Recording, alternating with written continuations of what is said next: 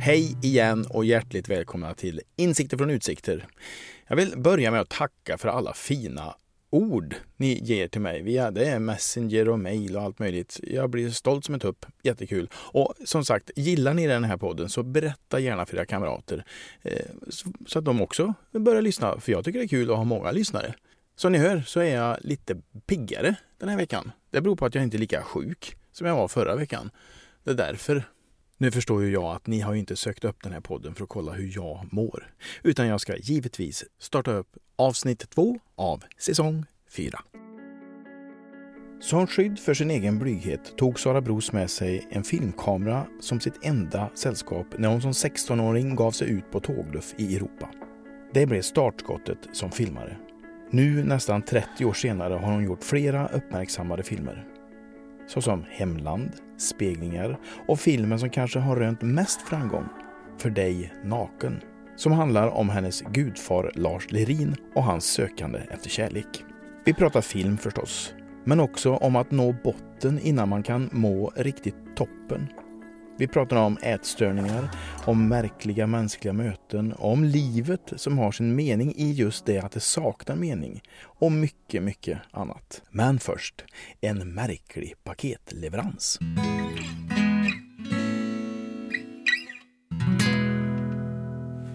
Så det kom alltså en budbil precis samtidigt med mig. Ja, Det är ett jättepaket. jag vet. Och du vet inte vad det Jag är? har ingen aning. Nej. Beställer du mycket? Vadå? Jag brukar... Nej. Nej men då borde beställt för länge sedan. Oj. ingenting. Det är säkert någon sån här ljusslinga Till... Eh... till Adam. Nej, det är en hylla. Okej. Ja, det var inte lika kul hörde jag. Nej, det är en hylla. Det var nästan ett... Det är en bokhylla. Jaha. Du lät lite besviken. Ja, det var väl lite tråkigt. Kära lyssnare. Välkomna till ett nytt avsnitt av Insikter från utsikter. Och idag har jag en härlig utsikt. Jag sitter hemma hos eh, avsnittets gäst, Sara Bros. Välkommen hit Tack så jättemycket. till min podd. Och jag får väl säga välkommen till mig själv också. För jag, jag blir ju faktiskt inbjuden hit. Det känns jättelyxigt. Mm. Att sitta i ditt hus som ligger, ja det är ju bara två, tre kilometer norr om Mårbacka. Mm. Precis bredvid en väg. Ni kanske hör några lastbilar som susar förbi. Det. Vad är det, en meter till vägen? En och en halv? Ja, det är kanske bara en halv meter ifrån. Ibland om det är stora lastbilar som brakar förbi så skakar hela huset. Ja. Mm. Men ett enormt vackert hus. Det var så läckert när jag kom här så um, det är kväll, klockan är halv fem, ja kväll, eftermiddag, det är mörkt i varje fall. Och eh, Sara har pimpat hela huset med väldigt varmt orange ljus. Och ur varje fönster med samma intensitet tyckte jag. Jag, jag kunde inte fånga det. Jag tog fram min mobilkamera och försökte eh, fota av det gick sådär. Men eh, och när man kliver in här så känns det lika varmt. Ja, men vad fint. Nej, Ja. men jag älskar ljus. Jag är beroende av, av ljus. Mm, det ser jag. Ja. Det ser, det, ni får lita på mig, ni lyssnare, att här, här har man inte sparat på ljus. Nej, men Och då pratar, det vi, då pratar vi både elektriskt ljus och levande. Ja. Men Ja. det är i alla fall låg energi. Det är inte, alltså jag, jag är inte så, Fick du sån, dåligt jag är sam- inte sån klimatbov utan de är, de är väldigt eh, låg Ja, energi. De tar nästan ingen ström alls, Nej, precis. men de ger ett väldigt varmt och fint sken. Ja, men jag tycker man, man mår bra av ljus. Ja. Speciellt i de här mörka tiderna. Absolut. Podden heter ju Insikter från utsikter.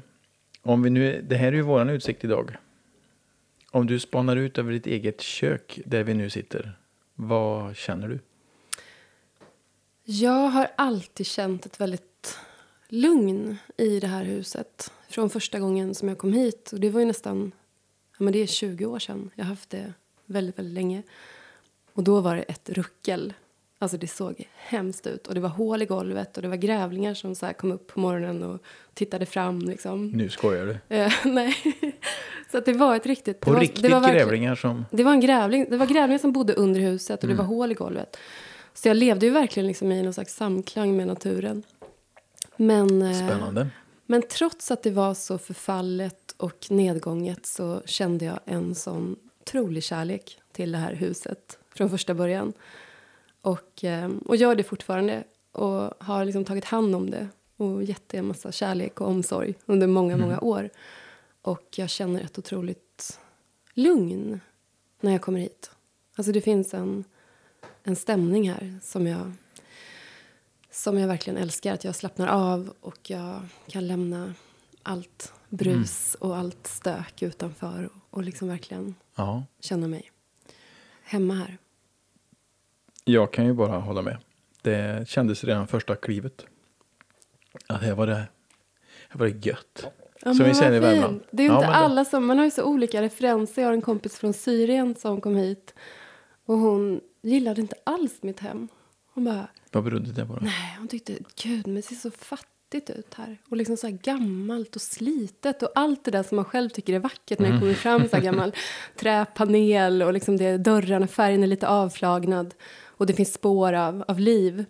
För henne så var det bara ett tecken på fattigdom och att jag bara, men Sara, har du inga pengar? Kan du inte, ska du inte rusta upp lite här och liksom släta över alla de här sprickorna? så att man har så olika Mm. Estetik. Jag tänkte vi skulle börja med ehm, en eh, faktaruta. Du vet sådana som finns i tidningar. Korta, korta frågor och korta svar. Okej. Fullständigt namn. Sara Liv Elisabeth Bros. Ålder. 42. Bor. Ja, jag bor i... Jag bor i officiellt Sunne, men jag känner mig mer som att jag bor i Östra Ämtervik. Jag bor precis på gränsen. Men jag gillar Östra Ämtervik lite mer. Civilstånd. Eh, ja, vad säger man? Singel. Yrke. Yrke tycker jag är svårt. Filmare, skribent, utbildningsledare. Hobby. Oj, den var svår. Jag har faktiskt ingen. Tyvärr. Om du hade haft en hobby.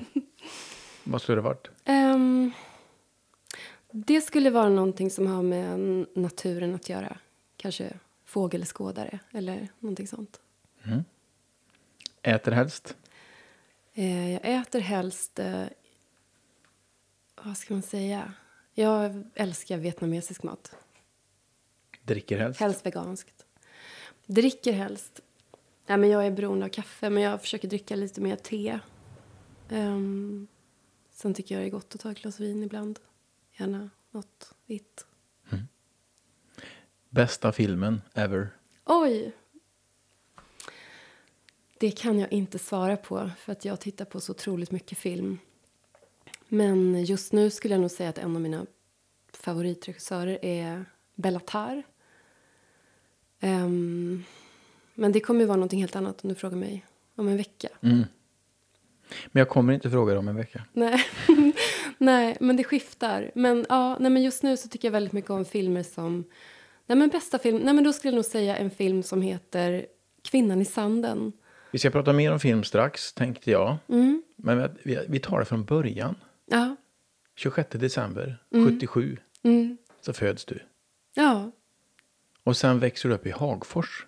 Ja. Kan du inte ta oss med där lite grann? Hur såg det ut i Hagfors? Oj. Ehm, ja, det, var inte mitt, det var inte inne i Hagfors, det var utanför Hagfors eh, mitt ute i en djup granskog. eh, I ett hus som heter Ängåsen, som såg ut som ett gammalt kråkslott. Ett rött trähus med två torn som mina föräldrar köpte 1975. Och de hamnade där mycket av en slump. Min pappa är från Holland och min mamma är från Uppsala, uppväxt i Malmö. Så de hade ingen koppling till Värmland överhuvudtaget.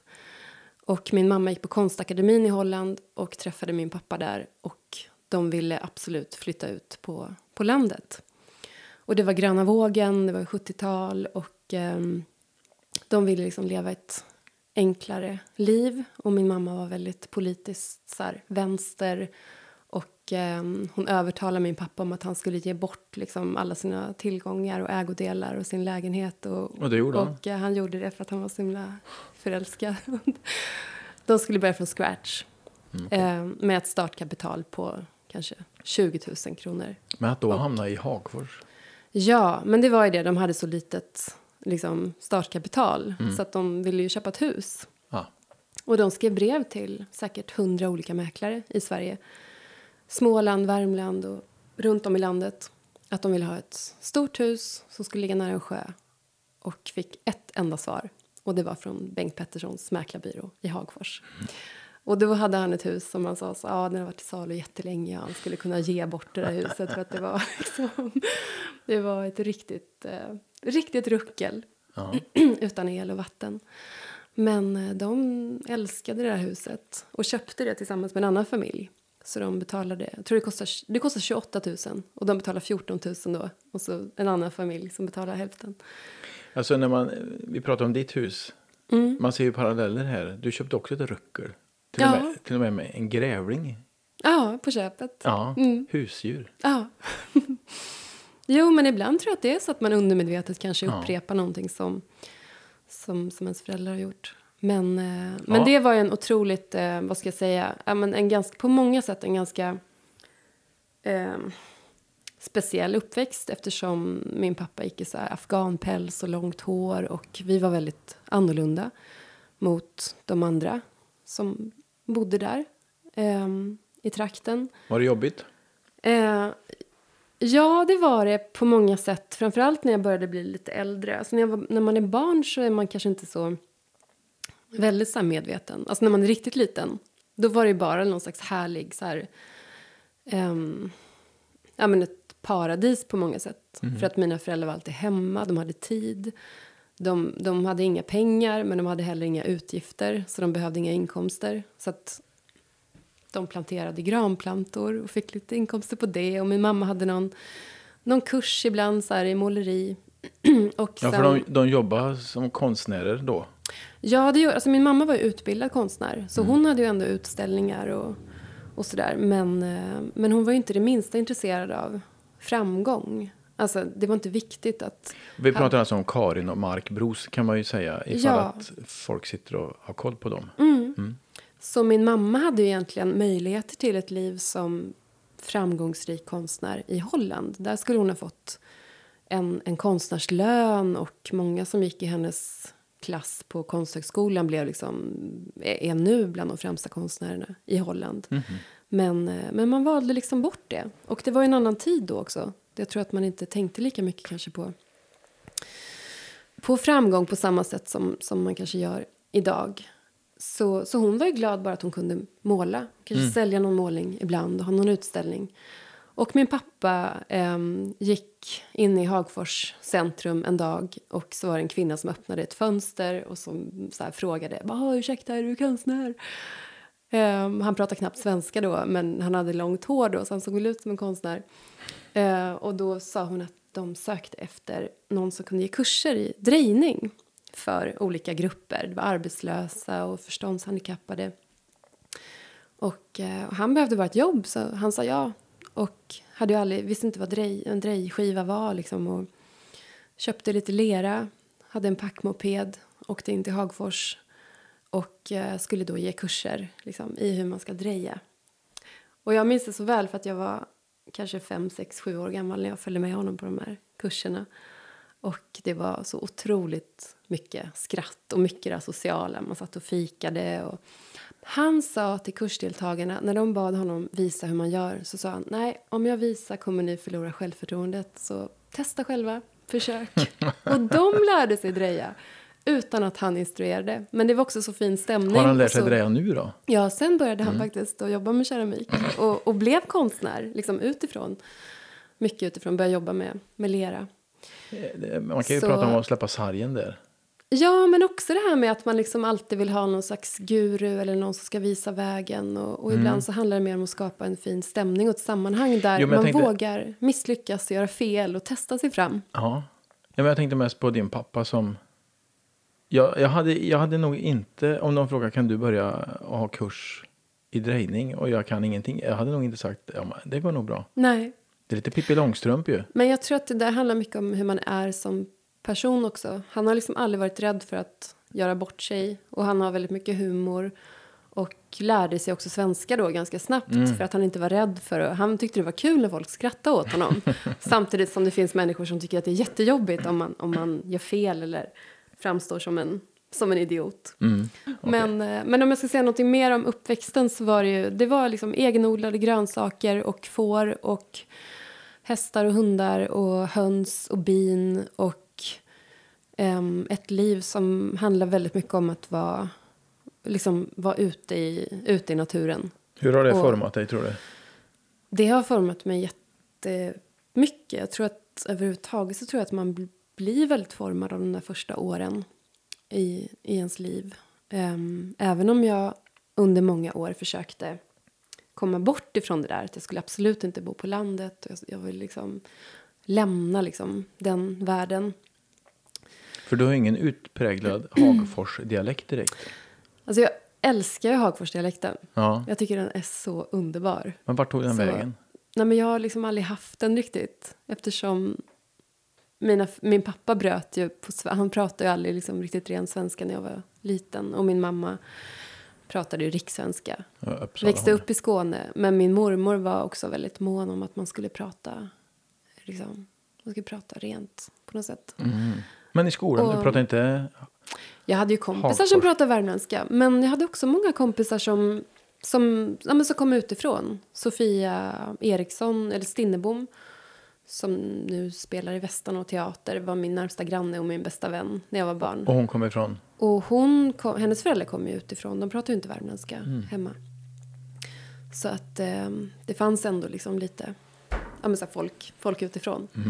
Men det var, en, det var en härlig barndom. Fast det var också mycket tror jag som, som man upplevde som barn som man kanske inte alltid borde ha fått uppleva. Kan du ge något Alltså- exempel? Ja, men det var ju mycket som hände. Alltså det var ju så här... Det var inte så mycket av struktur. Ehm, det var mycket kärlek, men ehm, det var liksom väldigt annorlunda hemma hos oss. En, Mm. Något en, som man- jul, ja, men en julafton så, här, så bjöd mina föräldrar hem hela flyktingförläggningen till exempel. Och, ehm, Lars Lerin kom förbi på någon, när det nu var. Det var också någon jul tror jag, med Monica Zetterlund. Och de spelade in så här, filmer och det var en del alkohol och liksom saker som hände som man inte riktigt förstod. Eller, Ehm, ja, men att som barn också se en, en människa då som, som, inte, som har ett starkt självförakt eller som har ett missbruk. Eller, ehm, var, det var svårt att förstå det. Tror jag. Och speciellt då med, med Lars till exempel som, som ju också var min gudfar och, och en, en människa som var nära vän. Du sa vad är han inte fortfarande? Jo, det är han väl. Men ja, det där med Gud, Gud jag har inte aldrig riktigt... Jag är själv gudmor, men, men det är en ganska flytande... Ja, okej. Jo, nej men det är han väl. Men ja. Men jag är ändå tacksam för att jag fick ta del av mycket som, som också var svårt att, att liksom förstå. Och just att känna sig annorlunda, som då var väldigt, väldigt jobbigt. Och jag kände mig, jag var väldigt blyg också. Som, inte när jag var riktigt liten, men, men när jag blev lite äldre. Så var jag väldigt blyg och kände mig alltid liksom fel. Vet du när det hände? När jag blev blyg. Ja. Jag tror att det hände liksom när jag var så här 9-10 år gammal. Innan dess så var jag väldigt fri och liksom oh, Vad hände då? brydd på något sätt. Nej, men jag tror att jag började bli medveten om ehm, eller känna starkare på något sätt att jag liksom inte riktigt passade in. Och när man börjar bli så medveten om att man, man går runt och har liksom fel kläder eller alltså att man känner sig utanför på ett sätt som som, ehm, som påverkar en Mm. starkt. Och, eh, och gör att man känner någon slags utanförskap. Att man liksom inte riktigt, man bara längtar efter att vara som alla andra. Och bo i ett hus med, med namn på dörren och fasta måltider och liksom ordning och nytvättat och liksom Mm. Är, hur är din relation med Lars Lerin nu? Um, nej men jag skulle säga att den, den... Det finns inga... Det finns inget liksom... Ingen konf konflikt eller så i den nu, fast relationen finns inte riktigt. Tyvärr. Mm. Är det något du saknar? Um, jag har saknat det. Mm. Och jag har försökt förstå. Vad hände då? och det är en jättelång historia. Jag vet inte om jag ska gå in på den. Nej, det bestämmer du. Nej, men jag tror att ibland så, så uppstår så uppstår saker eller konflikter som man inte riktigt vet vad det handlar om. Men att jag har aldrig haft någon konflikt med Lars eller någonting, något, något otalt eller någonting. Utan det var någonting som hände med, med, min, med mina föräldrar, eller min pappa framförallt. Att det, att det skar sig. Mm. Och eh, en händelse som egentligen inte var någonting stort eller dramatiskt. Men som ändå så här, ledde till en, en splittring och ett, ja, en vänskap som, som tog slut. Och sen har jag mina tankar om vad, vad som har hänt och varför det blev så. Men jag tror också att man, man, man förändras hela tiden som mm. människa. Och man går in i olika faser och eh, relationer tar slut och kärlek tar slut. Och man vet inte alltid varför eller vad det beror på. Ni växte upp i Hagfors, men ni mm. hamnade ju i Sunne också. Ja, precis. Alltså, vi flyttade till Sunne 88. Och varför flyttade ni till Sunne? Det var egentligen att vi behövde, eller mina föräldrar behövde större, mer plats. Och med tre barn och liksom behövde en större ja, men ateljé. Och... Mm. Men du går, hinner du gå hela grundskolan i, i Hagfors innan ni hamnar i Sunne? Eh, jag var tio när vi flyttade, så jag började femman när vi kom till, till Sunne då, eller Strömtevik. Då gick du mellanstadiet högstadiet här i Sunne och sen så vart det gymnasiet. Vart tar du vägen då? Då flyttade jag till Karlstad. För vad, när började ditt intresse för film? Men det kom nog ganska... Det, ja, det är alltid svårt att säga när någonting börjar. därför, därför att jag har alltid... Jag har alltid skrivit Alltså sen jag var jätteliten, eller sen jag liksom lärde mig skriva så, så skrev jag mycket berättelser. Och, eh, och sen har jag alltid varit intresserad av bild och foto och musik och spelat, spelat olika instrument, eller men fiol framförallt. Eh, och det är på något sätt de element som utgör film. Så att, så när jag hittade filmen så var det egentligen ett sätt bara att kombinera allt det som jag som jag älskar. Ja, du får lägga till bilder då. Ljud och bild. Och... Är, är du, målar du? Jag har aldrig vågat röra en pensel. Nej. Och jag var till och med, det var så hemskt för att när jag, när jag hade bildlektioner i skolan så bad jag min mamma hjälpa mig med, när vi hade så här läxor och skulle göra målningar.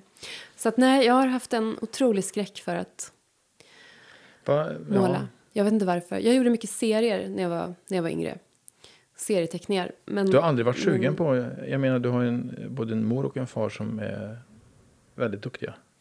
Jo, men jag tror att det kanske är undermedvetet. På något sätt så har jag liksom lämnat det åt min... Jag kommer ihåg när jag var barn. Då var det så förbjudet att störa mamma när hon målade. Man fick aldrig komma in i hennes ateljé. Så det var inte så att vi blev uppmuntrade att, att måla och komma in så med penslar och hålla på. Utan jag hittade liksom ett eget uttryck. Jag skrev texter till mm. min mammas målningar. Mm. Men jag har aldrig varit lockad av att testa egentligen. Men jag ser det som att med film, med film, det är också ett sätt att måla på ja. något sätt. Skapa bilder och Absolut. stämningar. Tror du din mamma hade hoppats på att du skulle ta över arvet är väl Nej, gud, jag tror, nej, alltså mina föräldrar hoppas på att vi ska bli någonting helt annat än något som har med konst att göra. De Varför hade det? önskat att vi skulle bli läkare eller... För att? Um, ingen aning. men det tror jag att de... Har de, har de sagt så, eller gissar du bara? Ja, jo, nej, men vi har pratat lite om det. Men det, har, det är klart, de har ju uppmuntrat oss till att vara kreativa liksom, och skapa och sådär. Men jag försökte ju länge att inte bli konstnär. Alltså jag, jag, det var det sista jag ville. För att jag vill ju bara ha ordning, ett ordnat liv och göra någonting riktigt. Och, och liksom bort ifrån allt det som jag Något förknippade. riktigt säger du? Ja, men bort ifrån det som jag förknippade med liksom ett konstnärsliv. Där, där det också var så mycket som är löst och diffust och liksom oordning och man, osäkerhet. Mm. Som det också innebär. Ja, för jag har läst någonstans att du, du beskrev att ert hus var kaos, men i ditt rum så var det städat och ordning. Ja, det var inte kaos att det var liksom förfall. Men det var ju inte så, det var ju jag som städade liksom, Mm. när jag var jätteliten. Och eh, det var ingen som riktigt brydde sig om om det var dammsuget eller... Alltså kaoset var ju också levande och, och fint. Mm. Men Det kanske var du som upplevde kaoset och ingen annan. ja, jag tror det. Men om man ser då på liksom mitt rum, det, det såg ut som en liten så här porslins... Alltså det såg ut som en äldre dam som bodde i mitt rum när jag var barn. För jag blev så extremt... Det var väl min revolt liksom mot oordningen. Att jag städade och liksom hade... Fick du några kommentarer av mor och far? Ja. Ja. men de tyckte att det var så roligt att jag tyckte det var så kul att städa. När det egentligen bara handlade om att jag skämdes så mycket för mina kompisar. Det var så rörigt att jag skulle hålla på och dammsuga och tvätta golv och allt. Och, sen, och det kan man tycka att det är fint och rörande men, men sen ledde det också till någon slags mer destruktivitet. Alltså min så här längtan efter ordning och perfektionism som, som gjorde att jag också hamnade i ett väldigt destruktivt mönster. Och, Berätta. ehm, nej men jag ehm, började ställa väldigt höga krav på mig själv och var väldigt mån om liksom, att allting skulle vara... Allting jag gjorde skulle vara perfekt. Och fick en otroligt liksom, stark prestationsångest ehm, eh, som jag inte vet riktigt var det kom ifrån. Därför att det var inget som egentligen mina föräldrar hade... Det fanns inte några så höga förväntningar att jag skulle vara lyckad. Eller... Men, eh, men jag hamnade i en, i en riktigt, riktigt... Alltså dels då att vara den här duktiga flickan i skolan och alltid högpresterande och bästa betyg. Och, och till att jag vände det också till någon slags självförakt och att liksom inte kunna tillåta mig själv att misslyckas. Och straffade mig själv väldigt hårt och sen hamnade i väldigt, väldigt svår eh, anorexi. Alltså, det finns olika grader. Det finns de som har ätstörningar liksom, som är lättare och så finns det de som verkligen har väldigt, väldigt starkt självförakt som leder till självmordstankar och, och en längtan efter att bara utplåna sig själv. Mm. Och hur långt kom du i det? Nej, men jag kom väldigt långt i det. Jag var verkligen nere på botten. Um, var jag när jag gick på gymnasiet. Och det som kanske och var då det... bodde du i Karlstad? Då bodde jag ensam i Karlstad. Mm. Och det som kanske var det svåraste med det var ju att ingen riktigt märkte. För att jag var utåt väldigt välfungerande och lyckad, lyckad Mm. inom citationstecken i andras ögon. Jag vann en massa uppsatstävlingar och jag ehm, skrev krönikor i tidningen och jag var... ehm, Du var någon? jag var någon liksom, på något sätt då. Som också blev, som bara förstärkte mitt, mitt, mitt missbruk på något sätt. För att jag, jag blev så beroende också av den bekräftelsen. Det var det enda som betydde något. Att, att vara någon och att göra. Och att genom sina prestationer liksom få, få andras bekräftelse och kärlek på något sätt. Men det är ju en ganska klassisk bild av en människa med dålig självkänsla. Ja. Att man är det man gör. Ja. Och just det där när man liksom inte har någon kärna. När man inte, man vet inte själv vem, vem, vem man är. Och, eh, och blir någon liksom genom, bara genom sina prestationer. Så kan man liksom tappa bort sig själv fullständigt. Hur hittar du tillbaks? Ehm, ja, det, det är inte så enkelt att... Jag vet inte om jag än har gjort det riktigt Okej. fullt ut. Även om jag, jag är frisk ifrån det destruktiva. Men, vad menar du att du inte riktigt är fullt frisk? Jag tror att om man har ett missbruk... Alltså, jag tror att alla missbruk bottnar i, i samma sak. I någon slags tomhet eller dålig självkänsla. Eller någonting som man bara vill kompensera eller fylla. Om det handlar om alkohol eller Mm. eh, ätstörningar eller droger. Liksom, så är det någonting som man måste förhålla sig till. Man blir inte fri från det. Alltså, man kan bara lära sig att, att leva med det och att inte att försöka liksom att inte hamna där igen. Men, men jag vet att jag har den sidan i mig. Mm. Och sen tog den olika former. När jag trodde att jag var fri från, från min anorexi så hade den bara yttrat sig liksom i andra former. Vilka former då? Genom, nej genom liksom, eh, arbete eller träning eller liksom bara någon slags besatthet av liksom, ja, missbrukarbeteenden. Mm. Som, som man blir fri från någonting och så övergår det i någonting annat. Men, eh, men jag tror att det som fick mig att...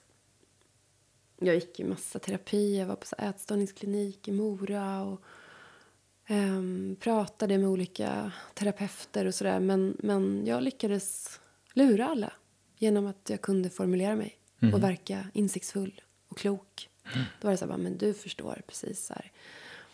Men det sitter ju inte i huvudet, intellektet. Det är liksom det är någonting annat mm. som tar över. Så jag tror egentligen när jag blev fri från det, det var när jag träffade min första pojkvän. Alltså när jag flyttade ner till Lund och Malmö. Och träffade en, en kille som, som ja, men tog hand om mig egentligen på något sätt. Han var läkarstuderande dessutom. Men, eh, men han fick mig att börja tycka om mig själv igen. Eller se mig själv på ett annat sätt. Med lite mindre självförakt och lite mindre dömande. Mm. Men dömer du dig hårt fortfarande? Ja, det gör jag. Det gör jag. Men jag har lärt mig att bli... Jag... Och vad är det du dömer egentligen? Ja, vad är det man dömer? Nej, men det är någon slags konstant sådär liksom... Man ställer så höga krav på sig själv att man, man inte får man inte får... Eh,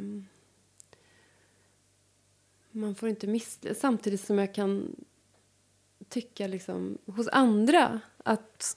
Ja, men du säger att man inte får misslyckas. Vad, är, vad, vad händer då, tänker du? Nej, men jag tror att mycket sitter också väldigt djupt kvar liksom, i det där med att man vet att man måste förtjäna... Alltså jag har till exempel väldigt svårt för att för att eh, tro på, lita på, på någons eh, kärlek. Och det, det är ju jättehemskt att det är så. Att man inte kan tro att någon ska kunna eh, känna kärlek eller älska en för att man är rädd för att man ska bli avslöjad eller för att man liksom man inte är den man, man vågar inte blotta sig eller, utge, eller visa den man liksom verkligen är. Och det där sitter djupt. Och det mm. kan, jag kan inte exakt svara på liksom vad, vad det beror på. Men, men, ehm, men jag jobbar ju med det hela tiden. Hur då? Och, ja, men till exempel jag läste någon bok nu om en man som sa så att man ska försöka ha tänka att man har en relation med sig själv. Och att man behandlar sig själv på samma sätt som man skulle behandla en annan människa. Mm. Och vara lika liksom, icke-dömande eller förlåtande eller förstående. Och ha överseende liksom, med, med så här, brister och Ja, för hur övar man själv, en, en bra självkänsla? Ja. Hur gör man det? Hur gör man det? Det skulle jag gärna vilja, vilja, vilja, vilja lära mig. Jag läser, jag en bra text mm. om detta. Mm. Sen om det är sant eller inte, men det lät vettigt. Eh, att göra saker, för det är så kopplat till en samvete, mm. självkänslan. Så man gör saker som man får bra samvete av så övar man upp sin självkänsla. Mm. Det får du ta till dig om du vill. Ja, det gör jag. Ja. Det, det låter verkligen. Det är inget jag hittar på utan jag har läst, läst mig till. Ja. Jag lyssnade på en intervju med Glenn Hussein på söndagsintervjun, eller lördagsintervjun. Det var så intressant liksom hur han, nej det är inga problem och det är bara liksom, det var och så tänkte jag, gud vad härligt liksom, om, man, om man på riktigt kan vara så. Mm. Men det finns också något... Jag kan tycka det lite sorgligt också. Ja. Någonstans. Att man inte får känna mm. det där. Mm. När det skaver lite. Ja. Och när det bygger lite. Mm. Och allt är liksom ljus och mörker. Det, men det finns också en rädsla för det ibland som... Jag vet någon film som jag satt och klippte som det var en person som sa hon ville att jag skulle ta bort allt det som var, som var mörkt i filmen. För att det var ju sån himla ljus och fin historia. Men då sa jag så här, men alltså det ljusa blir ju ännu ljusare om det mörka får finnas med som en kontrast till det ljusa. Så att det ljusa blir mer positivt Mm. laddat om, om det får finnas med en, ett liksom... Jag pratade med Karina av Ugglas Mm, i ett annat avsnitt av den här podden. Vi pratade just om det här med ett, ett leende som inte har en sorg i botten. mm, Blir bara en grimas. mm, mm. Och det ligger något i det. Jo, men det gör det. Men det tycker jag också med så här riktigt bra humor. Alltså det är också så här att det finns någon svärta. Mm. Eller att det finns liksom en, en dubbel, dubbel sida. Eller bottnar i någonting som också är... Som heter skaver lite. Som skaver. Vi var egentligen på frågan eh, varför det blev film. Och så stack det Just iväg det. lite, men Sen det det gör iväg. inget. Ja, nej men alltså jag... ehm, jag var väldigt blyg när jag var yngre. Det är jag fortfarande. Men jag har lärt mig att försöka dölja det.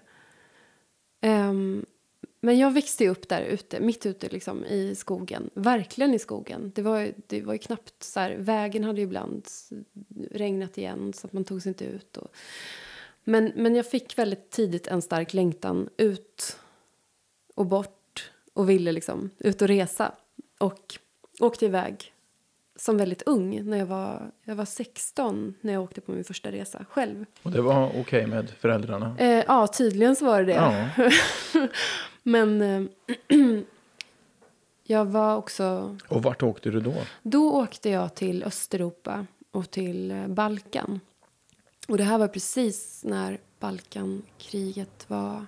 Ja, men det här måste ha varit runt så här 95-96. Jag blev supernyfiken. Var- Varför, varför väljer man ett sånt resmål? Ehm, det var nog mycket en slump att jag hamnade just där. Men jag hade en dragning till, till Östeuropa. Jag tror genom så här böcker jag hade läst eller film jag hade sett. Liksom, att det var någonting. Jag bara kände att det fanns någonting. Det fanns någonting där som jag, som jag ville utforska. Och så köpte jag en interrail-biljett då, som jag hade sparat ihop till. Och gav mig iväg. Och då hade jag en liten High 8-kamera med mig på den här resan. Alltså som jag, för att jag var så blyg så jag vågade inte prata med folk så lätt. Men när jag hade den här kameran så kunde jag liksom gömma mig bakom den. Så gick runt som en liten mystisk figur och filmade. Så, nej men jag satt och liksom filmade ut från tågfönster och om jag träffade någon som jag började, liksom, fick kontakt med så, så fick jag någon slags mod av att kunna säga ja, men vad är en roll? Liksom. Jag var ju inte en professionell filmare. Jag visste knappt vad, vad liksom, dokumentärfilmare var. Att man kunde... Ja, jag tänkte på, filmar du för någon speciell anledning? Att det här ska bli någonting? Eller du bara filmar? Absolut inte. Jag filmade bara som, en, ja, som, som när man skriver dagbok. Jag filmade det jag såg. Och eh, jag kunde gå fram till någon och säga ursäkta kan jag, kan jag filma dig? Alltså på ett sätt istället för att säga hej kan, vem, vem är du? Eh, och väldigt ofta, eller nästan alltid, så svarade ju personen ja. Och jag hade ingen aning om vad jag skulle fråga sen. Då. Så då, då um, ställde jag frågor som var så här, okej, ehm, ja, men som jag ju bar på då, liksom, som så här 16 år gammal ute i världen och bara, vad är kärlek? Och så här, vad betyder hem? Vad är... Alltså jättestora frågor. Och fick väldigt ärliga, öppna, fina svar och fick också kontakt med många människor då som bjöd in mig till deras hem och eh, som jag lärde känna och några av dem som än idag är mina nära vänner. Och det var framför allt på Balkan som jag kände mig väldigt hemma. Alltså Bosnien var som... Vad är det i Bosnien som gör att du känner dig hemma? Jag kan inte svara på det exakt men jag kände bara att jag blev mottagen liksom av de människor jag träffade på ett sätt som jag inte var van vid. Och det här kanske också hade mycket med kriget att göra. Liksom, eller att de hade gått igenom så mycket hemskheter och att det var så brutalt. Att det ändå fanns en, det fanns en, ehm, en sorg och liksom en melankoli men också någon slags här desperation och öppenhet som... Jag bara kände att så här, det här är på liv och död. Liksom. Här är människor som pratar om det som verkligen betyder någonting. Eller som... Alltså allt stod på sin spets på något sätt. Det är på riktigt. Har man precis gått igenom ett krig så kan man inte bara... Alltså det, det, jag blev så drabbad liksom av att det var så verkligt. Och så kom jag från Sverige liksom där inte har, jag har inte upplevt några... Ja, men det, var, det var ett möte med en, med en verklighet som, som för mig var, var så... Ja, som påverkade mig jättestarkt. Och sen var det också så här på den tiden. Jag är ju så pass gammal så att det fanns inte mobiltelefoner och liksom e-mail och sånt då när jag reste runt. Så att man var också, man hade inte samma tillgång liksom, eller samma kunskap om vad som hände. Man läste nyheterna och sådär men, men det var inte det här att bara gå, gå ut och googla och liksom ta reda Nej. på och få rekommendationer vart man skulle åka. Utan det var, jag var helt lost. Jag visste knappt var jag var någonstans. Jag tog ett nattåg och hamnade i någon liten by och träffade någon som jag blev hembjuden till och bodde där några dagar. Så det, det kunde liksom, gått hur dåligt som helst. Det hade verkligen kunnat och jag var med om en hel del också ganska hemska situationer. Men, kan du eh, bjussa på någon? Um, ja, men det speciella är också så här att ibland så råkar man ut för saker när man minst när man tror att man ska vara trygg. Um, jag var, satt på ett tåg i, i Rumänien Mm, uppe liksom i, i bergen någonstans ute på landsbygden. Och så var det en tågkonduktör som, som tog mig åt sidan och sa så men du kan inte sitta här utan jag ska visa dig en, en annan plats. Och det var ett överfullt tåg. Så att han, eh, han tog mig med då till liksom en, en, en vagn som låg längre fram. Jag tänkte men gud vad snällt av honom att han, att han liksom vill hjälpa mig att kunna sitta så här Men, eh, men han hade ju liksom andra planer. Så det var ju så en helt tom vagn. Och eh, där jag satt själv en stund och bara kände det här är lite märkligt. Att jag sitter här helt ensam. Och sen så kom han tillbaka och bara låste dörren. Och eh, som tur var så stannade tåget vid väldigt många stationer. Så att han, han var tvungen att gå ut. Men det var väldigt nära att, att det hände någonting då. Mm. Så sådana, ja. Och, ja, men, hur gammal var du då? Ja, men då var jag kanske 17. 17 tror jag. Mm. Rädd förstås? Ja, det var riktigt obehagligt. För att när det är en person som man också känner tillit till mm. så, så kommer det som en sån chock. När man är liksom helt oförberedd på, på det. Nej, men, ja, nej, men det var många, många liksom situationer som, som, där man var väldigt utlämnad. Ja, jag mm. vet eh, att du vid något tillfälle på väg hem eh, och du har blivit precis rånad på allt du äger tror jag och du sitter i en restaurangvagn så dyker det upp en, en, en 45-årig man, du är 17-18 kanske, mm. klädd i vitt. Där händer det någonting. Mm. Berätta. Nej, men det, det finns så här avgörande möten ibland i livet som man är med om som gör att man ska få någon insikt eller det händer någonting. Och det var en sån situation. Vi hade ju inte en krona. Och det är ändå så två dagar lång resa hem. Vad hinner man tänka då? Sverige. Um, nej, men jag tror jag sällan känt mig så utlämnad. Och jag har ingen, ingen mobil och liksom så, inget sätt att ringa hem. Jag hade inte ens råd liksom, att ringa ett samtal. Och sen satt jag på ett tåg då från, från Prag och och då var det ett så gammalt tåg med en jättevacker restaurang. Alltså nästan så Orientexpressen. Alltså, mm. Otroligt fint. I första klass kupén då så gick jag in så i restaurangvagnen för att det var helt nedstängt. Och eh, det låg vita dukar på bordet men det var ingen som, det var ingen servering. Så jag satte mig där och, eh, och då hade det gått många, många timmar på resan och jag var helt, liksom, jag på att svimma nästan för att jag var så hungrig. Och så tittar jag upp plötsligt, då står en man i dörröppningen från första klasskupéerna som bara ser jättearrogant ut, står och röker en så här cigarill. Och är klädd helt klädd vitt. Vita byxor, vit kostym, vit slips, vita skor. Mm. Sydamerikan. Ganska stilig. Um, han du tänka något där? Jag hann bara tänka så här, där står en väldigt osympatisk människa men han kanske kan köpa en kopp kaffe eller något om det. För det var ju så att tåget stannade ibland så kom det in såna här liksom från olika stationer och kom de in med så vagnar där de sålde, sålde kaffe och mackor. Uh, så, att, uh, så att när han började prata med mig, han var väldigt uttråkad för att han var, han var flygrädd. Han var väldigt rik, han hade en jättedyr klocka och var vd för något stort företag. Men han var flygrädd så han var tvungen att åka tåg. Mm. Så han bara slog sig ner mitt emot mig och började hålla en monolog. Som bara var en enda lång skrytsam, alltså verkligen så här makt, pengar, företag, investeringar, um, bilar och lägenheter han ägde liksom. Och sen så vände han sig till mig och så sa han så ah, men okej, men du då, så här, vad, nu får du berätta. Vem är du? Liksom? Var är din pojkvän? Varför sitter du här ensam? Var har du varit? Och då så tänkte jag, jag blev provocerad av honom för att han bara var så självklar och hade sånt självförtroende och bara kunde liksom hålla en sån lång monolog utan att ens det fanns någon. Så då bestämde jag för att nu ska jag ta lika mycket plats och lika mycket utrymme som han har gjort. Så jag började berätta långsamt om hela min resa från början till slut i detalj. och... Det är ganska modigt för att vara blyg. Ja, men det var någon slags... Alltså jag tror att det bara var den situationen också när man är så desperat ja, och bara känner sig hungrig och utlämnad. Och inte har pratat med någon på, på så länge. Så jag hade så mycket som jag ville berätta också. Mm. Och sen också så här, man träffar en främling, man vet att man kommer inte se honom igen förmodligen. Så jag började berätta om min resa och han fattade ju ingenting. Han var bara så här, jag förstår inte. Är du journalist? Vad vill du få ut av det här? Vad är ditt syfte? Vad är liksom, vad är målet? Varför? I hans värld handlade allting om liksom, transaktioner, svar, effektivitet. När han kommer in med ett överläge först så bara känner jag mig så att men jag har någonting som, som han saknar.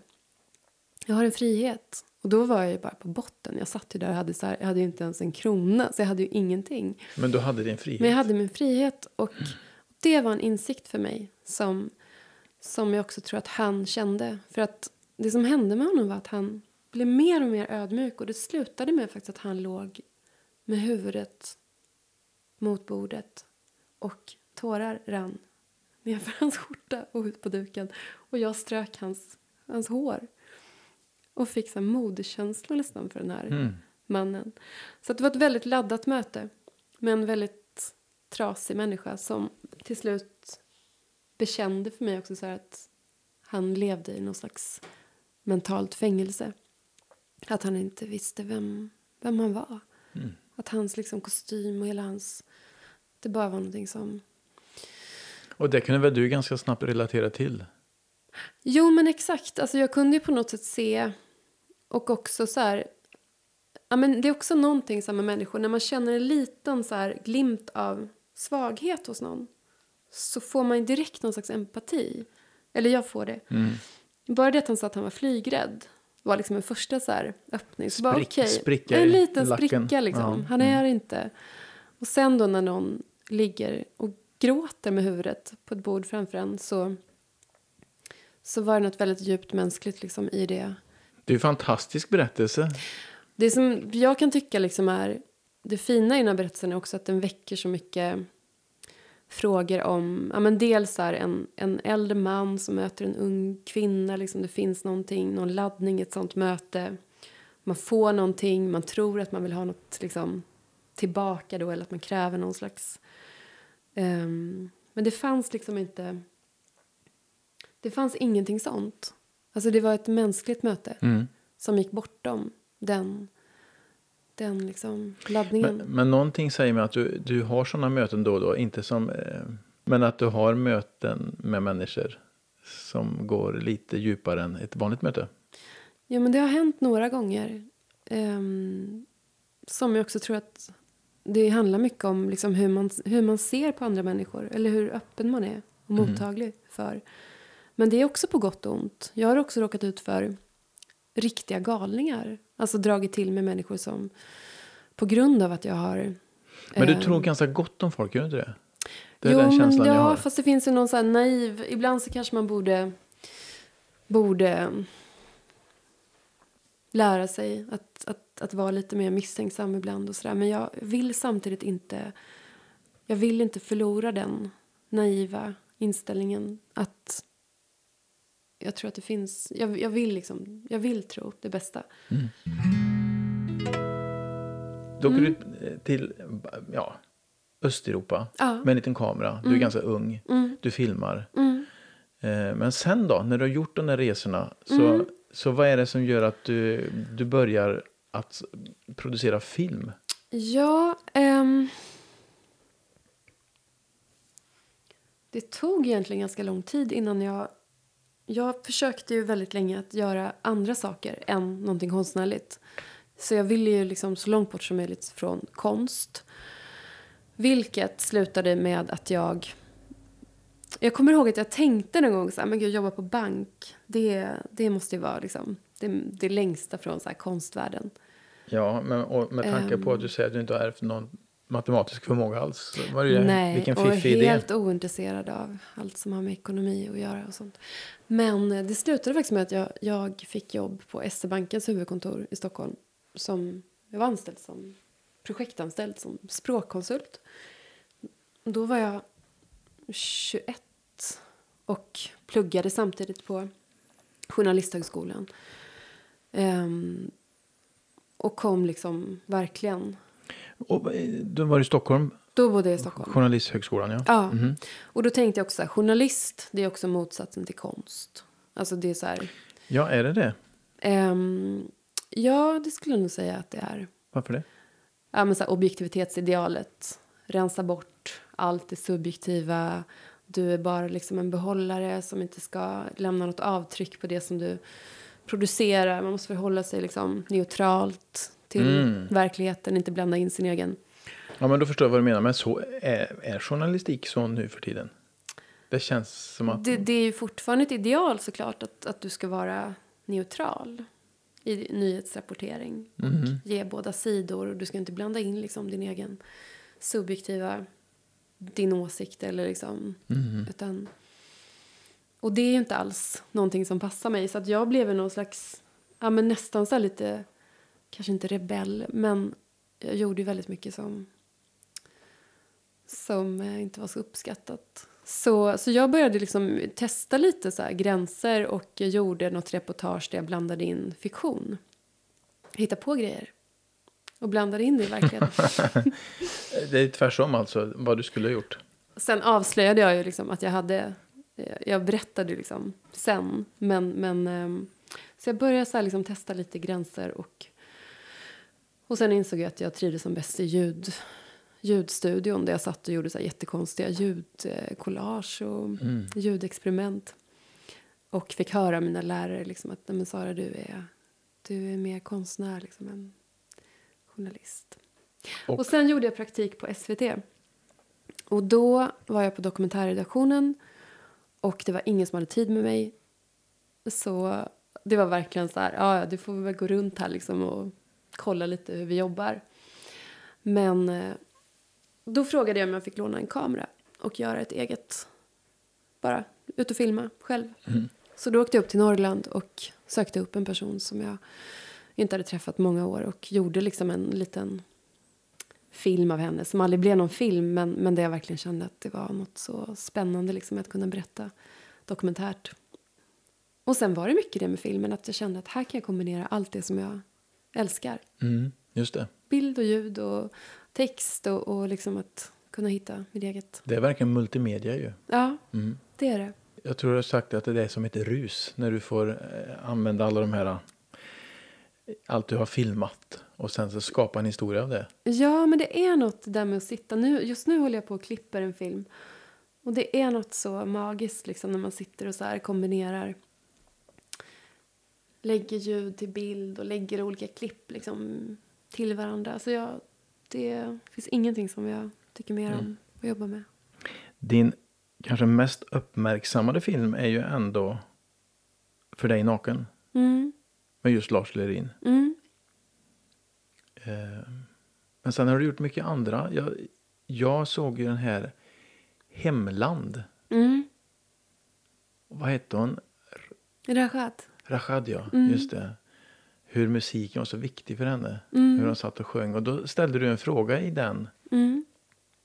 filmen. Och det var ju att om du bara fick välja en enda låt som har betytt mycket för dig. Vad skulle du välja för låt? Så därför ställer jag den frågan till dig nu. Oj, det är lite samma som med film. Jag, jag är beroende av musik och lyssnar väldigt mycket på musik. Men jag är väldigt präglad av musik som jag lyssnade mycket på när jag var, när jag var barn också. Som jag blev liksom nästan hjärntvättad av. Och det var mycket Dylan och Cohen. Mm, mm. Och jag är döpt efter en Dylan-låt. Det står en Dylan-bok eh, nästan när man kommer in. Ja, Ja. du såg det. Mm. Så att jag, jag har liksom... Ja, men det är vissa ton i musik som jag, som jag verkligen älskar. Så att jag skulle nog välja någonting av kanske Leonard Cohen. Om Mm. jag fick välja. Du har gjort mycket film. Jag har inte sett allt, men jag har sett eh, För dig naken, och så Hemland och Speglingar. Eh, där du gör ett porträtt av din mamma och dig samtidigt. Mm, I den filmen så är det en sekvens mm, när du går ner i ett kärn. mm, Och jag hörde på någon annan podd att det är en återkommande dröm hos dig. mm, Att du går ner i ett kärn och försvinner. mm. Vad, vad står det för? Ja, vad står det för? Um, jag kan tycka om den bilden för att den både är den är både ljus och mörk samtidigt. Jag kommer ihåg när jag kom tillbaka till Värmland. När jag hade, varit, när jag hade bott i, i Lund, och Malmö och Stockholm under flera år.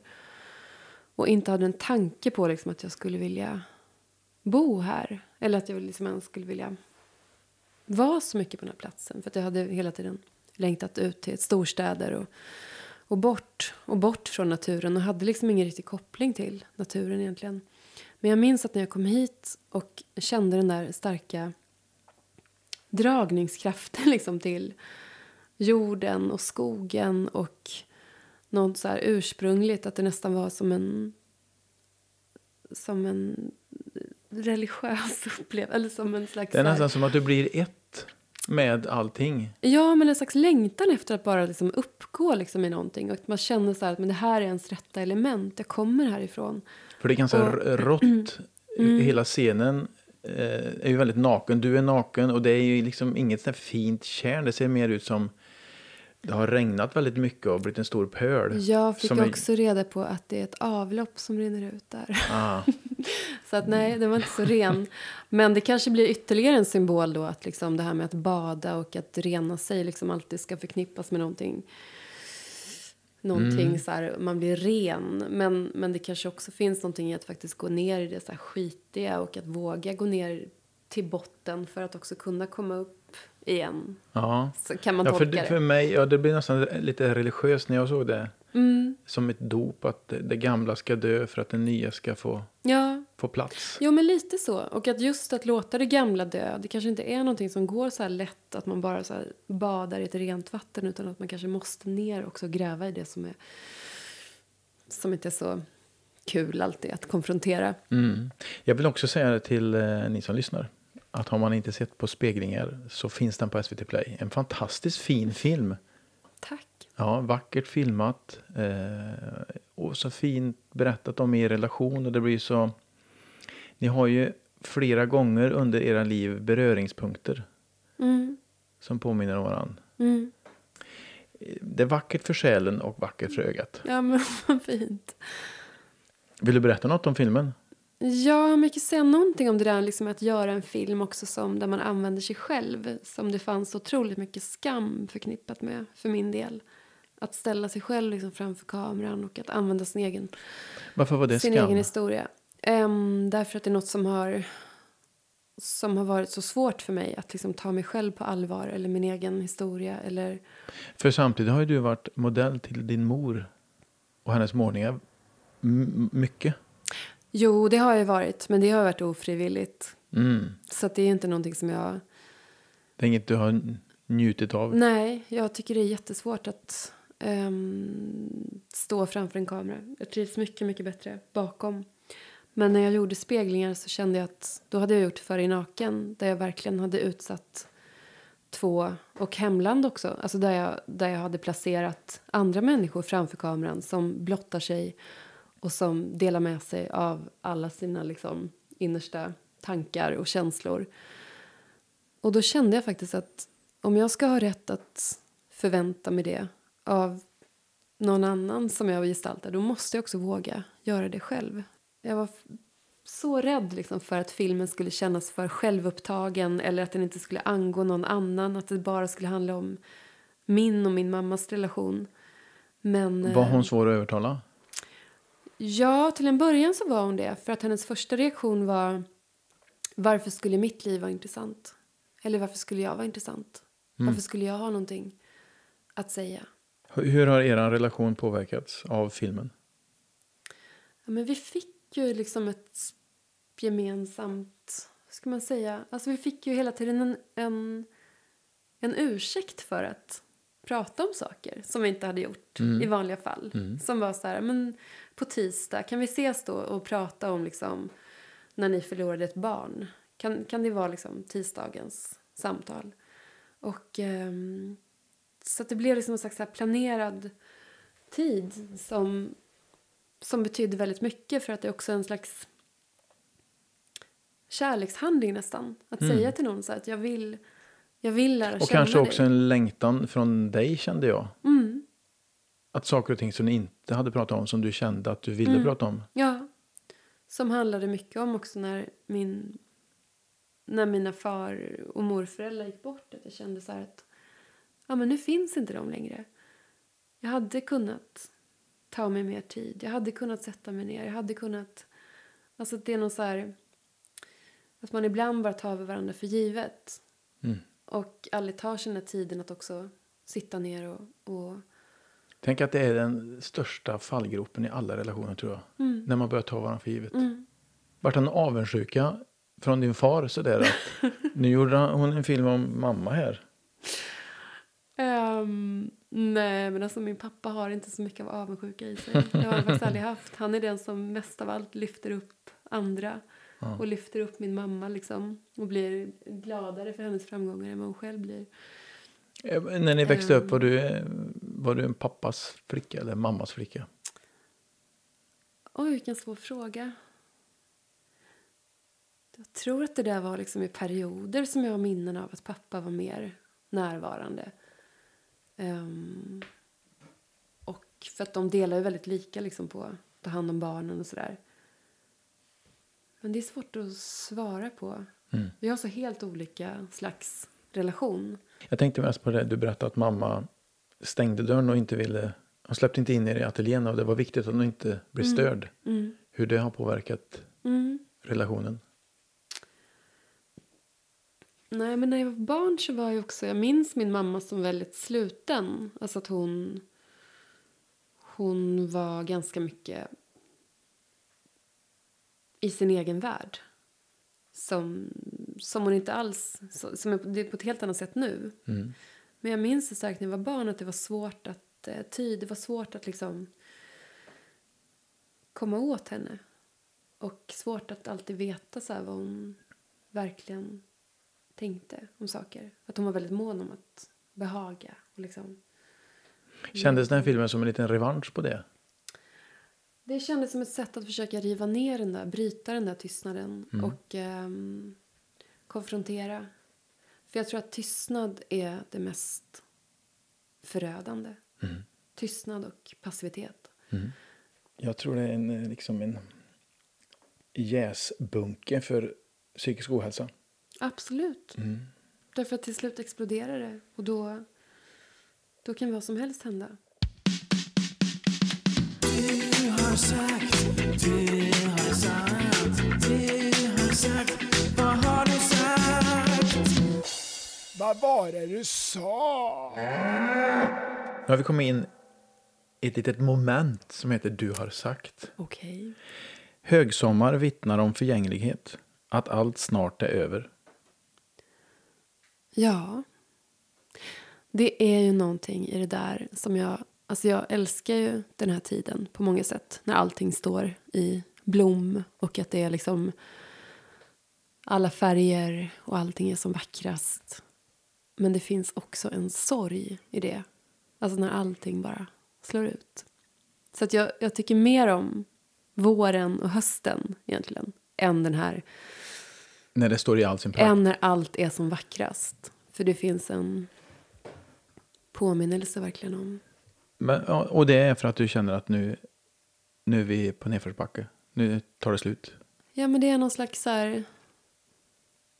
Det finns ingen förväntan i det. Det är bara så här, nu är allt. Nu ska allt vara fantastiskt. Det finns en förväntan i det. Det finns något så här, något krav nästan. Mm. Att man ska så här, tycka att nu, nu är det på topp. Vart kommer kravet ifrån? Ehm, ja, men det kommer väl ifrån bara så här att allting är... Nej, men när det är så här...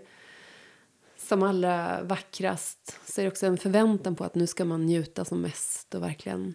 Mm. Det kan också finnas något skönt i liksom den här tiden som är mer en förväntan, alltså en längtan inför att någonting ska komma. Alltså som våren eller... Ja, Eller och många, hösten. många, ja, men många gillar ju hösten just för att det, det är inga förväntningar. Man kan sitta under en filt Ja, i soffan ja, och bara kura skymning. ja. ja men september är min favoritmånad. När allt dör. När det ändå är kvar lite av den här, liksom, om det nu har varit en fantastisk sommar, vilket inte alltid händer, men om det har varit det, liksom, att det ändå är så lite ljummet och men man känner så att det finns en melankoli fast ändå någon slags så här friskhet och klarhet i luften och när det inte bara är... Ja, det finns en blandning av olika stämningar. Jag har en annan syn på min kropp nu. Jag plågar den inte längre, men jag dömer den lika hårt. Ja, det där var ju från speglingar. Just den där voiceovern tyckte jag själv var lite... var inte så nöjd med efteråt. Men är det du som har skrivit den? Men jo, ja men exakt. Ja, men jag säger den i filmen, så jag har inte skrivit den. Eh, det blir skillnad när man säger den och ser bilder till den. Men, eh, men jo, alltså jag har ju varit väldigt hård mot mig själv på många sätt. Och verkligen plågat min kropp och hatat min kropp. Och så här, njutit av att ehm, när händerna är blå av syrebrist och man är så här helt avmagrad och liksom den destruktiva synen liksom, på kroppen. Ehm, men, ja, nej, men det där är komplext, verkligen. Man har ju sin kropp. Man får ju bara så här, nu kan jag bara tycka om den för att den, alltså så här, benen bär mig när jag går ur sängen. Och jag kan känna tacksamhet. Att kroppen fungerar. Mhm. Men när du dömer den, vad, Mm. vad är det du dömer? Nej, men det är väl mer att man tittar på sig själv liksom, med en blick som är... Eh, att man, det är svårt att komma ifrån den här dömande blicken på, Tycker du att du är ful? själv. Nej, jag kan inte säga att jag tycker att jag är ful, men jag har aldrig känt mig, jag har aldrig känt mig vacker. Eller om någon, om, någon, om någon ger mig en komplimang så kan jag liksom aldrig riktigt fullt ut ta den till mig. Hmm. Ehm, och, det, och det är också någonting som Och så har den varit hela livet? Ja, ja, inte när jag var jätteliten. För då var man inte medveten om det på det sättet. Men nej, jag har svårt för att... ehm, på riktigt liksom ta emot. Och det är ju hemskt egentligen. För jag menar om någon nu skulle säga någonting fint och menar det. Så, så är det också ganska hårt att man inte kan ta emot det. Mina damer och herrar, det har äntligen blivit dags, inte bara för mitt och Maltes favoritmoment här i programmet i podcasten, utan jag gissar för er allas. Det har blivit dags för Tombolan! Det är dags för tombolan. Mm. I här så ligger det då lite existentiella frågor. Mm. Så att du snurrar. Jag snurrar. Ja. Jag älskar det ljudet. Du, skulle jag vilja ha hemma i. Mm. Jag bara ta en... Om du fick plocka tre egenskaper hos andra människor, vad skulle det vara och från vilka? Oj, vilken svår. Alltså egenskaper som jag själv skulle vilja ha, Mm. som jag inte har. Mhm. Ge ett kort och koncist svar på det om du kan. Okej.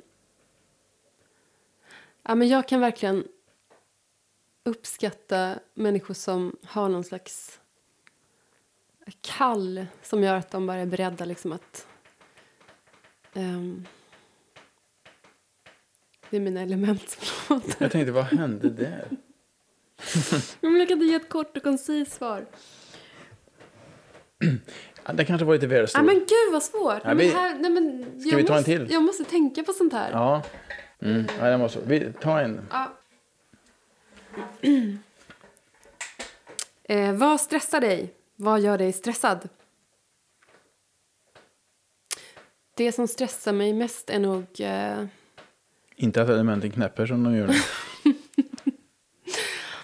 Det som stressar mig är... Eh, det är nog framförallt andra människors stress. När jag känner att någon inte riktigt är helt och fullt där, utan någon annanstans. Det blir, kan jag bli väldigt stressad av. När, när jag känner att det borde finnas liksom, någon slags närvaro och den inte finns. Det var kort och koncist. Ja, vad bra. Det var tre, eller? Ja, vi, vi tar några. Vi Vi, tar vi, har ju bara lyckats med en än va? Ja. Ja. Eh, Okej, vad får dig att skratta hejdlöst? Det finns vissa personer som kan få mig att skratta hejdlöst. En av dem är Stina, min, min närmsta vän som, som kan få mig att skratta hejdlöst åt egentligen Vad gör hon då? precis vad som helst. Ja, men väldigt ofta så handlar det om så här absurda situationer eller märkliga situationer som med liksom missförstånd eller någonting bara skevt eller något som har liksom uppstått som säkert ingen annan skulle tycka var roligt eller ens lägga märke till. Och som mina syskonbarn, Siri kan få mig, att- som är sju år gammal nu, hon kan, hon kan få mig att skratta hejdlöst bara genom hennes sätt att se på saker och hennes liksom raka, oförställda liksom, sätt att vara och hur hon inte har några spärrar överhuvudtaget. Men det är återigen någon slags situationskomik hör jag. Jo, men ofta är det väl det. Eller så... Människor som man inte kan skratta med har jag jättesvårt för. Då- Det stressar mig. Ja. Vi tar en sista. Ja. Till vem skulle du vilja bli hembjuden och varför? Det var en rolig fråga. Um, Okej, jag skulle... Jag bara såg någon så intervju med Bruce Springsteen på Skavlan. Och så kände jag bara, gud vad han verkar vara sympatisk och trevlig. Det skulle vara väldigt kul att sitta och snacka med honom. Så jag svarar Bruce Springsteen. Då hoppas jag att han säger ja. Då får han sig en bra stund tror jag. Det, jag tänkte vi skulle avsluta lite grann här. Ja. Det här vet jag inte om jag har lyssnat mig till eller läst. Men din lusten försvann för dig 2017. Mm. Gick in i någon slags mörker. Mm. Vad hände? Ehm, det som hände då var att jag... Ah, det är svårt att svara på exakt vad som hände, eller hur. Men jag tror att det bara hade lagrats. Under så många år så hade jag bara kört på utan att stanna upp. Jag tror att det kom, alltså att det var någonting som hade lagrats och byggts upp under lång, lång tid. Och att jag inte riktigt visste vad det innebar att verkligen att verkligen vila. Och det låter så, det låter så, så enkelt på något sätt. Men, eh, men om man inte vet vad det innebär att vila, om ens referens till det liksom är bara ut, utgår från det man själv... Men för vad var vila innan du förstod vad vila var? Ehm, nej men det var ju ändå på något sätt att alltid vara igång med någonting. Att, så här, att använda tiden effektivt hela tiden. Att även i vila eller i träning eller så här, göra någonting som ändå... Att vara medveten om att nu ska jag vila för att det är bra för, det är bra för kroppen att vila. Men inte av någon slags naturlighet att man bara gör det för att man mår bra av det. Nu ska jag gå en promenad för att det är bra att få frisk luft. Ehm, och eh, alltså någon slags nästan mekaniskt sätt att se på det. Inte så här, jag går en promenad för att det är så härligt att bara komma ut. Utan att det behöver Det någon... leda till någonting. Ja, just det. Men, eh, men jag hade bara kört på helt enkelt. Det, det kändes som att jag hade kört på motorväg i flera år i för hög fart utan att ens veta vart jag var på väg. Den känslan hade jag. Och jag tror också att mycket går tillbaka liksom till också så här barndomen och att, att alltid vara eh, självständig och aldrig behöva någon annans hjälp, alltid klara sig själv. Eh, och det som hände då var att jag, jag kraschade liksom helt och bodde hos mina föräldrar under en lång period. Och för första gången tror jag i mitt vuxna liv så kapitulerade jag och och verkligen så här lät någon annan ta hand om mig. Och det som hände då var att jag... Jag ehm, bestämde mig efter det för att jag ska aldrig mer hamna i det här igen. Jag ska aldrig mer köra slut på mig så hårt liksom att jag att, att jag kommer in i det här. För det var, det var så skrämmande att uppleva känslan av att ingenting betyder någonting. Mm. Absolut ingenting. Inte liksom ens de människor jag älskar som jag har nära mig. Jag kan lika gärna bara ta min bil och köra in i en, bil, liksom i en bergvägg. Eh, för att livet är... Det finns ingen mening med någonting. Och det gör det ju inte egentligen. Heller. Hur menar du? Nej, men jag menar så att det finns ingen mening. Den måste vi skapa. Alltså vi måste ju skapa den själva. Och... ehm, Vad är meningen med livet då? Ja, men det är väl just det, liksom att, att ehm, försöka skapa sig en mening utifrån det meningslösa. Alltså som Sisyfos som rullar stenen upp för berget. Liksom. Och så rullar den ner igen och så får han bara börja om på nytt och på nytt och på nytt och på nytt. Och, Vad, vad har du skapat för mening? ehm, nej men min mening handlar, alltså förr innan den här kollapsen så handlade nog det mesta för mig om, om jobb. Alltså prestera och att det var så viktigt. Och allt det kom före allting annat. Jag kunde sitta liksom och träffa vänner eller vara med syskonbarn och, och hela tiden känna så här, "Fan, jag borde egentligen, jag måste åka nu eller jag måste göra någonting liksom effektivt. Och, och nu har jag en helt annan, nu är det precis tvärtom. Alltså nu har jag bara... Så om du skulle försöka formulera din mening med livet Mm. så skulle den låta hur då? Ja, men då skulle den nog låta så här att, in, att meningen med livet är att inse att det finns ingen, det finns ingen mening utan du måste bara liksom försöka att hitta det som är meningsfullt ändå på något sätt för dig. Mm. Och, Och, vad är eh, meningsfullt för dig? Nu är det meningsfulla för mig det är också sånt som bara låter så klyschigt men det är ju verkligen, det är ju relationer, det är kärlek. Det finns ingenting som som egentligen betyder någonting mer än det som en slags grund att ha människor omkring sig som man, som man älskar och att också prioritera dem och alltså genom handling också visa att det betyder någonting och inte bara säga det. Och en sån förändring är till exempel att jag har bestämt mig för att om mina syskonbarn eller om någon liksom vill de spendera tid med mig eller vill de komma hit och sova över här eller så här, så ska jag aldrig låta jobb gå för, Alltså jag ska alltid prioritera det och se det som, som en, en, en gåva. Liksom. Att det är vackert och inte så här något ah, jag borde jobba egentligen eller så här, utan Tänk att man ska komma till botten innan man inser det. Ja. Ja, men det är sant. Och det är också så här ett beslut tror jag som man måste ta för att också eh, påminna sig om. Är det ditt kärn vi pratar om nu egentligen?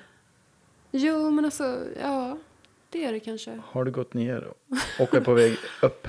Ja, men det som har hänt är så att jag är inte alls lika besatt av mitt jobb. Eller så här, när jag var yngre var framgång så himla viktigt. Att få bekräftelse och att, att, att vara någonting. Liksom. Men jag har inte den drivkraften längre. Vilket gör att jag...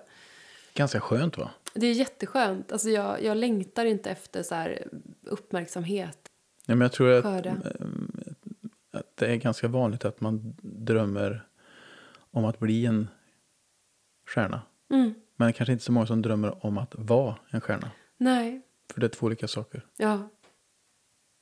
Det är ju också ett slags fängelse på något sätt. Mm. Eller som Pessoa sa, som poeten som inte ville bli en stjärna för att han, han sa att en, en kung kan inte drömma om att bli kung. Och jag vill kunna drömma. Jag vill leva i min fantasi. Mm. Och jag vill kunna drömma om att vara allt. Liksom. Är man på toppen så är man är också definierad och hyllad och upphöjd. Jag tänker på den vita mannen på tåget. Ja, Som också hade nått någon typ av topp. Att vara rik och ekonomiskt oberoende. Men mm, fångad i det. mm. Jo, men det är så olika drivkrafter också som, som man har. Och det är vissa mår bra av, går andra under av. Mm. Så det är inte att säga så här att men det är framgång är bara liksom något negativt. Så är det absolut inte. Men, men, ehm, men det är inte en lösning. Eller det är inte liksom ett självändamål på något sätt. Så Det var väl en fin insikt från en härlig utsikt här i köket. Att avrunda Så med. himla fint Malte att träffa dig. Är vi klara där? Ja men jag tror det. Det känns som att vi har pratat om jättemycket och samtidigt känns det som att jag bara babblat. Helt osammanhängande. Men tiden försvann. ja, det gjorde, det gjorde han faktiskt. Nej men tiden försvann verkligen. Ja. Och det är också så nej, men behagligt att prata med dig eller för dig liksom. För att det, Mm. det kändes helt avslappnad. Vad skönt. Mm. Och jag tack så hemskt mycket. Ja men det var så lite.